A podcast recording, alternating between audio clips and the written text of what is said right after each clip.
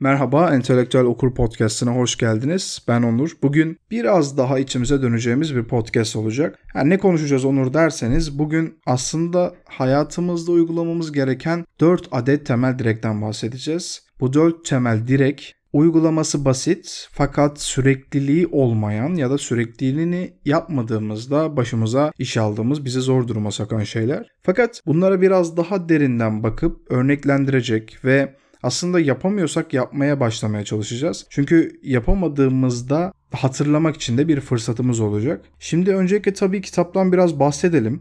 Kitap Dört Anlaşma kitabı, Don Miguel Ruiz'in kitabı. Bu kitap sadece bu dört anlaşmayla değil, gerçekten veya yaptığı satış rakamlarıyla değil, insanlara yaptığı hizmetle çok fazla anılan bir kitap. Bunu sözlüklerden ya da herhangi sayfalardan arattığınızda karşınıza çıkacaktır, göreceksinizdir. Dört Anlaşma kitabı hayatımızı daha farkında, daha huzurlu, daha mutlu kılmanın dört tane anahtarını veriyor. Aslında her anahtar her kapıyı açacak diye bir şey yok. Fakat doğal olarak sahip olduğumuz ve fakat büyürken unuttuğumuz bakış açılarını bize anlatıyor. Bence bu çok çok değerli. Çünkü bizler bir süre sonra yontulmaya ve önümüzü görememeye başlıyoruz. Bunun en büyük sebebi koşuşturmaca ve içine girdiğimiz bu hengame, bu sistem aslında. O sebeple ilk başta da belirttiğim gibi aslında bizler bunları günlük olarak farkında olmadan gerçekten uyguluyoruz. Birazdan anlatacağım zaten ama yani buradaki sorun farkında olmamak. Bunların farkında olduğumuz zaman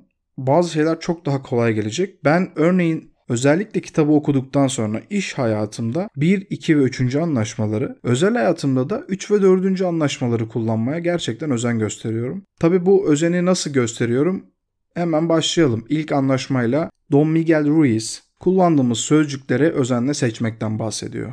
Söz bir güç, bu gücü doğru kullanmak bizim elimizde. Bu sebeple ilk kural aslında tüm kurallar içinde de gerçekten en zor olanı. Çünkü sözün iyiye kullanımında cenneti, kötüye kullanımında cehennem ortamını yaratabiliyoruz. İlk başta bunu biraz açalım istiyorum tabii. İyiye ve kötüye kullanım ne demek? Şimdi kendi hayatımıza baktığımızda sözcükler olmadan iletişime geçebilmek gerçekten imkansıza yakın. Mimikler ve jestler de aslında o sözlerin vücudumuzda yarattığı etkilerin bir sonucu. Şimdi örneğin şöyle bir bilimsel veri var. Tabi bu kitapta geçmiyor. Benim farklı araştırmalarım neticesinde eriştiğim bir veri ama %100 doğru. Kişiler arası etkileşimlerin 3 tane temel öğesi var. Yani bu bilimsel değil biraz sonra vereceklerim daha doğrusu. Bu 3 temel öğe aslında ilki sözcükler, ikincisi ses tonu, üçüncüsü ise beden dili. Yani ben size şu an konuşuyorum hem sözcüklerimle hem ses tonumla konuşuyorum. Fakat sizler beden dilimi hiçbir şekilde görmüyorsunuz. Sizce bunlardan hangisi şu an uyguladığım sözcük ve ses tonu ve ayrıyeten tabii ki de beden dilinden hangisi karşı tarafa vermek istediğim mesajı vermemde en güçlüdür ya da en etkilidir? Yüksek ihtimalle sözcükler üzerine konuştuğumuz için en etkili olanın sözcükler olduğunu söyleyebilirsiniz. Fakat Hayır, değil. Sözcükler karşıya vermek istediğimiz mesajda sadece %7 kadar etkiler. Yani sözcükleri özenle seçmekten bahsediyorduk aslında ilk başta fark ettiyseniz. Yani başlık şuydu kullandığınız sözcükleri özenle seçin. E ne oldu bu şimdi suya mı düştü diyebilirsiniz. Aslında tam olarak suya düşmedi hatta tam tersi oluyor. Yani sözcükleri özenle seçmek karşı tarafa vermek istediğimiz mesajı verebilmek için çok çok önemli. Daha da önemlisi o sözcükleri nasıl ifade ettiğimiz. Örneğin bundan neredeyse 80 sene evvel yaşamış olan ve tüm Avrupa'yı kan gölüne çevirmiş bir katile bakalım. Adolf Hitler kullandığı sözler ve aslında o sözleri söyleyiş biçimiyle beraber peşinden gelen insanları korku ile, şiddet ile etkileyerek milyonlarca insana korkunç boyutlarda şiddet uyguladı. Şöyle düşünün, Doğu'nun ne kadar kötü bir yer olduğundan bahsediyor Batı şu anda. Yani Doğu o kadar kötü ki diyor, o kadar kötü diyor. Doğu'nun ne kadar kötü bir yer olduğundan bahseden Batı ülkelerinden bir tane diktatör çıkıyor ve tüm Avrupa'da soykırım inşa ediyor. Ve bu delinin peşinden binlerce hatta ve hatta milyonlarca insan gidiyor. Ya bu nasıl mümkün olabilir? Peki tam tersine dönelim. Çok değil 2. Dünya Savaşı'ndan 10 yıl önce ise bir adam çıkıp yurtta barış, dünyada barış diyerek tüm dünyaya barış mesajı veriyor. 23 Nisan'ımız var biliyorsunuz. 23 Nisan'ı tüm dünya çocuklarının bayramı ilan ediyor. Şimdi karşılaştırmak için söylemiyorum tabii bunları. Yani Atatürk ile Hitler denen katili karşılaştıracak değilim. Burada karşılaştırılacak olan şey kişiler değil. O kişilerin uyguladıkları. Bizim almak istediğimiz de aslında bunlar. Bu sebeple sözcükler çok çok önemli. Fakat anlatılmak istenenin karşı tarafa nasıl iletildiği çok daha önemli. Şimdi bakıyoruz örneğin Atatürk'ün biliyorsunuz eski videoları var. Atatürk'ten örnek veriyorum çünkü Atatürk bunu çok iyi uygulayan bir insan. Hitabeti kuvvetli, ses tonu kuvvetli ve sözcükleri kuvvetli. Biri bile bunun arkasında kalmıyor. Ve Atatürk sadece hitabeti, ses tonu ve sözcüklerle karşı tarafı etkilemiyor. Örneğin bundan sonra gelecek podcastlerde TED gibi konuş kitabından bahsedeceğiz. Bu kitapta karizmanın bu işe dahil olduğunu da bahsediyor ve Atatürk'ü düşündüğümüzde gerçekten Türkiye Cumhuriyeti tarihinde de en karizmatik adamlardan bir tanesi. Hatta en karizmatiği diyebiliriz. O sebeple yapılan işe olan tutku sözcüklerden çok daha önemli. O tutkuyu hissettiğimizde, o merakı hissettiğimizde zaten sözcüklerden gelecek olan %7'nin gelmese de olur diyebiliriz aslında. Burada önemli olan ses tonu ve mimikler. Mimikleri katacak olan aslında bize o tutku. Mimikler de bir süre sonra ses tonunun getirilmesini sağlıyor. Şimdi bilimsel verileri verirken tabi unutmuştum. Sözcükler iletişimde %7 etkililer. Konuşma tarzı %38, beden dili ise %55 etkili. Yani karşı tarafa bir mesaj vermek istiyorsanız, konuşma tarzınız ve beden diliniz iyi değilse istediğiniz sözcükleri kullanın. Hiçbir önemi yok karşı taraf için. Bugün dünyadaki liderlere bakalım. Örneğin çok geçmedi yaklaşık 3 sene önce 4 sene önce Donald Trump diye bir adam vardı Amerika Başkanı. Bu adam inanılmaz bir şekilde beden dilini kullanan, konuşma tarzını, ses tonunu çok iyi ayarlayan bir adamdı. Fakat sözcük iletişiminde aslında çok da becerikli değildi. Hatta şöyle bir örnek verebilirim. Donald Trump ve Barack Obama'nın işte A1 İngilizce ve Advanced İngilizce farkı diye komik bir video yapılmıştı. Oradan çok net bunu görebiliriz mesela. Veya bizler şu anda ülkemize dönelim. Şu an aktif siyaset içinde bulunan insanlardan hangisinin hitabetini kuvvetli buluyorsunuz? Hangisinin sözcüklerini değil bakın hitabetini. Hangisi size daha hitap edebilir? Konuşma tarzı daha iyi. El hareketleri, beden dili, iletişimi hangisini daha iyi buluyorsunuz? Bunu çok düşündüğünüzde aslında muhalif olmanız veya olmamanızın hiçbir önemi yok. Burada objektif olup gerçekten doğruyu söyleyebilmeniz gerekiyor. O sebeple bunlar azımsanacak şeyler değiller ve bir bütün olarak kendi hayatımızda kendimize konuşurken hem bir sunumda bir toplantıda ya da herhangi bir konuşmada kendimizi ifade etmemiz gereken her yerde sözcükleri doğru kullanımı ve bu sözcükleri de konuşma tarzımız ve de beden diliyle birleştirmemiz gerekiyor. Fakat ne olursa olsun aslında ilk kural sözcükleri doğru seçebilmek. Karşı tarafa en azından doğru aktarabilmek. Evet ikinci madde ise aslında kişisel algılamamakla ilgili. Bence bu ülkemizde verilmesi gereken derslerden de bir tanesi. Çünkü biz gerçekten Türk toplumu olarak çok duygusal insanlarız. Toplumumuz duygusal olması sebebiyle hali hazırda elimizde vurulan verilerle de aslında bir şeyleri yapamıyoruz bazen. Fark edin mesela bir toplantıda böyle çok veri olan şeyleri bizim toplum çok sevmez. Böyle biraz daha aktif olacak, daha neşeli olacak, daha komik olacak vesaire bunları da işin içine katarak size bir veri sunacak. Böyle çok çok veri veri veri veri insanları gerçekten yorabilir. Biz böyle bir toplumuz. Şimdi diğer insanlar merkeze sizi koyan hiçbir şey yapamaz ve yaptıkları her şey kendileriyle ilgilidir diyor Ruiz. Ve devam ediyor. Herkes kendi rüyasını yaşar. Kendi zihinlerinde oluşturduğu rüyayı yaşar. Bu rüyalar bizim rüyalarımızdan tümüyle farklıdır diye tanımlıyor. Şimdi nasıl ki aslında bizim düşüncelerimiz, söylediklerimiz, yaptıklarımız kendi hayatımızı oluşturuyor ve kendimizi yansıtıyorsa karşıdan gelen sesler de o kişinin içsel dünyasını, düşüncelerini, hayatını ve aslında kendisini yansıtıyor. Yani benim şu an konuştuklarım, benim kendi düşüncelerimle birleştirdiğim şeyler. Sizler de bu düşüncelere ya katılıyorsunuz ya da katılmıyor veya küfür ederek bu podcast'ten ayrılıyorsunuz. Fakat insanoğlu maalesef kişisel algılamaya çok müsait bir zihin yetiştiriyor çocukluğundan beri. Bunun en büyük sebebini Ruiz kabul görme ve onaylanma ihtiyacına bağlıyor. Kabul görme ve onaylanma ihtiyacı aslında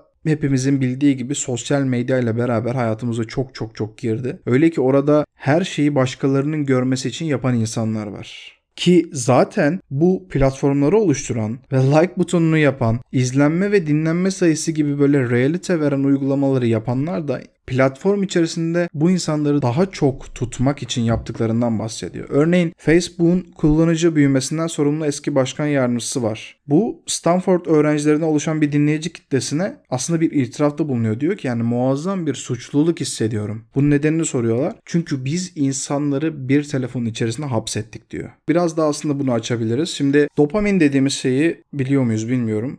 Dopamin beynimiz tarafından üretilen ve aslında davranışları motive etmede başrol oynayan bir kimyevi, kimyasal madde diyelim. Kimyasal hatta. Aslında lezzetli yemeklerden yediğimizde, işte egzersiz yaptığımızda, ne bileyim daha da önemlisi hatta başarılı sosyal etkileşimlerde bulunduğumuzda da bu salgılanıyor. Çünkü mutlu oluyoruz ve mutlu olduğumuzda bunu salgılıyoruz. Aslında evrimsel bağlamda baktığımda yararlı davranışlar için bizi ödüllendiren ve bunu tekrar sağlamamız ve tekrarlamamız için bizi motive eden bir kimyasal diyebiliriz dopamin için. Şimdi biraz daha geriye gidelim. Şimdi deneylerde farelerin ödül değişen sayıda yanıttan sonra uygulandığında ödülle ilişkili uyaranlara en sık yanıt verdiğini, bunun da hayvanın ne zaman ödüllendirileceklerini tahmin etme yeteneğini engellediğini buluyor. Yani insanlar da aslında farklı değiller. Bir ödülün rastgele verildiğini algılarsak ve o ödülü kontrol etmenin maliyeti az ise sonunda kontrol etmeyi alışkanlık haline getiririz. Örneğin kumar bağımlılığı. Dikkat ederseniz en ufak bir sıkılma anında tamamen böyle alışkanlıktan dolayı kendimizi genelde telefonumuzu kontrol ederken falan buluyoruz. İşte programcılar yani bunu yapan insanlar tam olarak bunu yapmanız için ya da yapmamız için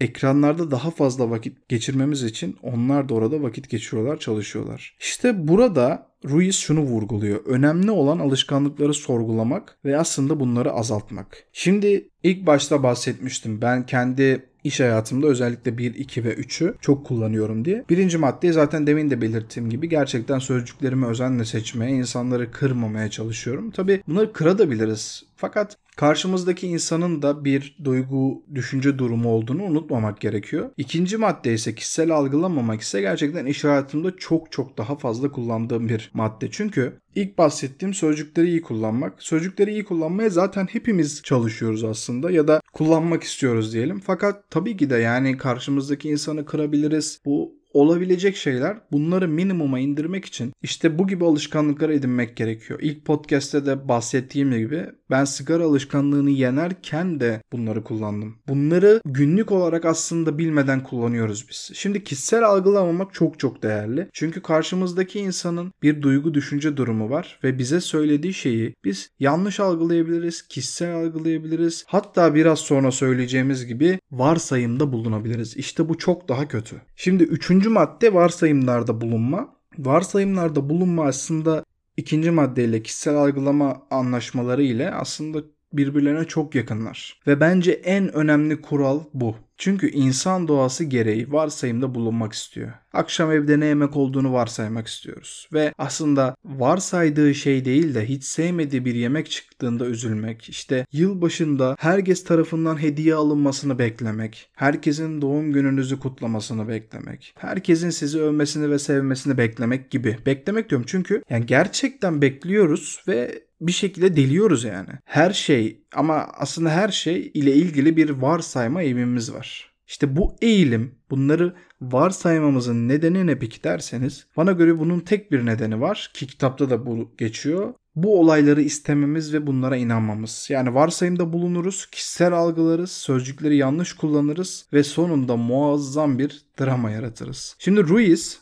Kitapta şöyle diyor. Yaşamımızdaki üzüntülerin ve dramların kaynağında kişisel algılamak ve varsayımlar bulunmak vardır. Ya bence bu söz o kadar doğru ki. Sahiden geriye dönüp baktığımızda elde etmek istediğiniz bir sürü şey düşünün. Ya mesela bir iş arıyorsunuz. Bir tanıdığınız ile irtibata geçtiniz. Size ben de hallediyorum dedi o iş. Yani sen düşünme dedi ya ben de bu iş dedi. Ve siz o andan itibaren işte varsaymaya, kişisel algılamaya başladınız. Zaten kişisel algıladınız da sizi seviyor vesaire gibisinden. Bir de varsaymaya düşünmeye başlıyorsunuz. Ya bu adam şöyle bir adam. Şuradan tanıdım, buradan tanıdım derken aslında hallediyorum diyen kişi kendi egosunu tatmin ediyor ve siz kişisel algılıyorsunuz. E, algıladığınız için de varsayımda bulunuyorsunuz. Bunlar birbiriyle bağlantılı demiştik. Şimdi diyorsunuz ki ki bunu ben yaşadığım için söylüyorum. Ya işe girerim diye düşünmeye başlıyoruz. İşte girersem şunu alırım, böyle yaparım, hayal etmeye başlıyoruz. Şöyle bir şirkete girersem böyle böyle olur. İşte kariyerimi bu şekilde devam ettiririm. Ya çok iyi olur diyorsun. Fakat sonuç bir geliyor. Negatif. Ne hissediyorsun? Güvensizlik. İşte bunun altında yatan neden soru sormamak ve varsaymak. Karşıdakilere doğru sorular sormak ve bizim hissettiğimizi hissetmediklerini bilmek bence çok önemli. Ve benim kullanıp da tek kullanamadığım noktalardan bir tanesi bu. Daha doğrusu kullanamadığım dememek gerekiyor. Tabii ki de kullanıyorumdur. Fakat yani kullanmakta zorlandığım kısımlardan bir tanesi. Çünkü soru sormak herkesin yapabileceği bir iş değil. Soru sormak çok zanaat gerektiren, üzerinde düşünülmesi gerektiren, öyle her sorunun herkese sorulabileceği bir ortam da değil. Soru sormak zor bir iş ki şu an ülkelere baktığımızda soru soran ülkelerin birbirlerine soru soran, varsaymayan, gerçeği öğrenmek isteyen ülkelerdeki mutluluk oranına bakalım, dedikodu oranına bakalım, İnsanların yaşayış stillerine bakalım, çevreye bakalım, düzene bakalım, ekonomiye bile bakabiliriz. Yani varsayımda bulunurken aslında atladığımız bir şey var. Şimdi karşımızdakinin hayatı bizim algıladığımız gibi algıladığını düşünüyoruz biz. İşte bu da en büyük varsayımlarımızdan bir tanesi ve en kötüsü belki de. Çünkü herkesin hayat algılayış biçimi ve işte bundan dolayı yaşayış biçimi gerçekten farklı. Yani en büyük erdemlerden bir tanesi insanları olduğu gibi kabul edebilmek. Biz maalesef bunu başaramıyoruz ülkede maalesef ki bu eskiden çok daha kötüymüş. 80'lere 90'lara gittiğimizde kan gölüne götürmüş bu olaylar ülkeyi. Evet şu an biraz daha bunu yaşayabiliyoruz, olduğu gibi kabul edebiliyoruz insanları fakat içimizde yine bir yerlerde varsayıyoruz. Soru sormuyoruz, karşı tarafı gerçekleri öğrenmek için baskı kurmuyoruz. Ne biz bir başkasını ya da ne de bir başkası bizi aslında değiştirmeye çalışmamalı ve olduğumuz kişiye saygı duymalı. Çünkü bu bireysel özgürlüğün bir yolu ve herkes kendi seçimini yapıyor bu yolculukta. Herkesin bir yolu var. Herkes özgün. O sebeple varsayımda bulunmamak ve buradan edinebileceğimiz en büyük çıkarımlardan bir tanesi de soru sorabilmek çok çok önemli. Şimdi dördüncü ve son kural aslında bu klasik benim de hiç sevmediğim kişisel gelişim kitaplarından böyle bir cümle gibi gelebilir size ama kesinlikle sonuna kadar dinlemenizi tavsiye ediyorum. Şimdi dördüncü ve son kural daima yapabildiğinin en iyisini yapmak. Yani tamam Eyvallah daima yapabildiğin en iyisini yap. Olmuyor diyebilirsiniz. Ki bence olmaması çok daha iyi. Çünkü mükemmel bir diye bir şey yok. Yani mükemmel iyinin zıttı. En iyisini yapmak mümkün değil. Mümkün değil. En iyisini yapmaya çalışırsınız ancak. Yapmaya çalışırız. Fakat en iyisini yapabilmek ya da yapmayı denemek gerekiyor. Çoğu insan ben de dahil bunu unutuyoruz ve yapmıyoruz. Yani bir ödül beklentisi içine giriyoruz. Benim en büyük hatalarımdan bir tanesi de budur. Bir ödül kaybolduğunda o eylemi sonlandırıyoruz. Ya bu tabii ki de insanın evrimiyle de ilgili bir şey. Sinan Canan'ı Açık Beyin YouTube kanalından özellikle çok tavsiye ederim. Bunları dinlemek insanın evrimle ilgili bağlantısını anlamak çok çok önemli. Yani bunları sadece ben yapıyorum, sen yapıyorsun, o yapıyor. Aa Onur da yapıyormuş değil de bunu bütün insanların yaptığını bilmek kendimizi geliştirmek için de çok büyük bir sebep. İşte bu sebeple yapabileceğimizin en iyisini yapmıyoruz ve sadece işte ödülü alabilmek için çaba harcıyoruz. Şimdi günlerden bir gün acısını yaşamak isteyen bir adam kendisine yardım etmesi için Budist tapınağında bir ustaya gidiyor. Adam ustaya soruyor diyor ki ya usta diyor eğer günde 4 saat meditasyon yaparsam yüksek bilince ulaşmam ne kadar sürer? Usta adama bakıyor ve yanıt veriyor diyor ki eğer günde 4 saat meditasyon yaparsan belki 10 yılda yüksek bilince ulaşabiliyorsun diyor. Tabi adam diyor ki ya ben bunun daha iyisini yapabilirim. Demin de bahsettik. Daha iyisini yapabilirim. Usta diyor peki günde 8 saat meditasyon yaparsam ne olur?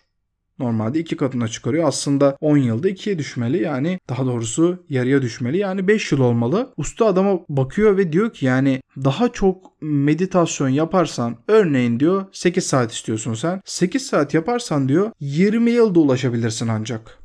Allah Allah diyor adam ya. Ya nasıl 20 yıl olabilir? Ustaya dönüyor ve diyor ki yani usta diyor ben yüksek bilince ulaşmak için iki katı daha fazla çalışıyorum. Fakat sen 20 yılda ulaşabileceğimi söylüyorsun diyor. Neden daha uzun sürüyor diye ustaya soru soruyor. Ve usta şu şekilde cevap veriyor. Sen bu dünyaya hazzı ve yaşamı feda etmek için gelmedin diyor. Yaşamak, mutlu olmak ve sevmek için buradasın. Eğer 2 saatlik bir meditasyon ile yapabileceğinin en iyisini yapabildiğin halde 8 saat meditasyon yaparsan yorgun düşersin. Amacından saparsın ve aslında yaşamdan zevk alamazsın. E yapabildiğinin en iyisini yap. Mükemmel olmaya çalışma. O zaman meditasyonun süresinin değil de yaşamanın, sevmenin ve mutlu olmanın önemli olduğunu anlarsın.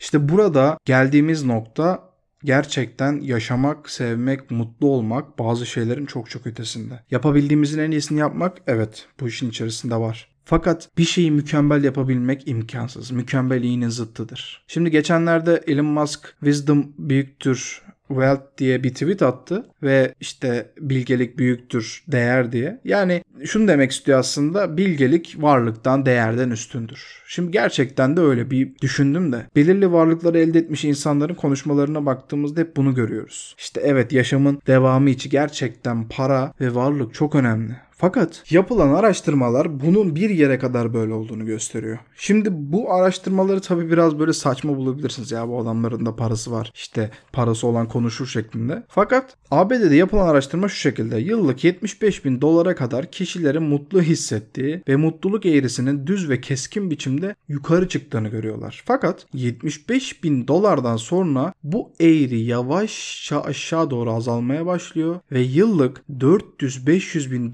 dolarlara gelindiğinde ise para mutluluk eğrisinin tam tersi bir şekilde aşağıya doğru gittiğini ve çok daha enteresan yorum yapan insanların daha stresli ve daha üzgün olduklarını bahsediyor. Yani konudan çok fazla sapmadan devam edelim ama en iyisini yapmaya çalıştım demek bence çok önemli en iyisini yapamasak da en iyisini yapmaya çalışmak, kendimiz olmak, sözcükleri iyi kullanmak, varsayımda bulunmamak ve kişisel algılamamak bunun içerisinde. Ve tabi bunları yapmasak dahi hatalarımızdan ders almak, pratik yapmak, sonuçlara dürüstçe bakabilmek ve aslında yolumuza devam etmek gerçekten farkındalığımızı geliştirmek için çok mühim. Bugün beraber değindiğimiz konuları ileride çok farklı kitaplarla tekrar açacağız zaten. Fakat bugünden başlamak ve aslında kendimizi sürekli geliştirmek için bunları uygulamalıyız bence. Uygulayamasak bile tekrar okumalı ve aklımızın bir köşesinde evet varsaymamalıyım diye düşünmeliyiz. Yani ne zaman lazım olacağını bilemeyiz ne de olsa. Kitabı okuyanlardan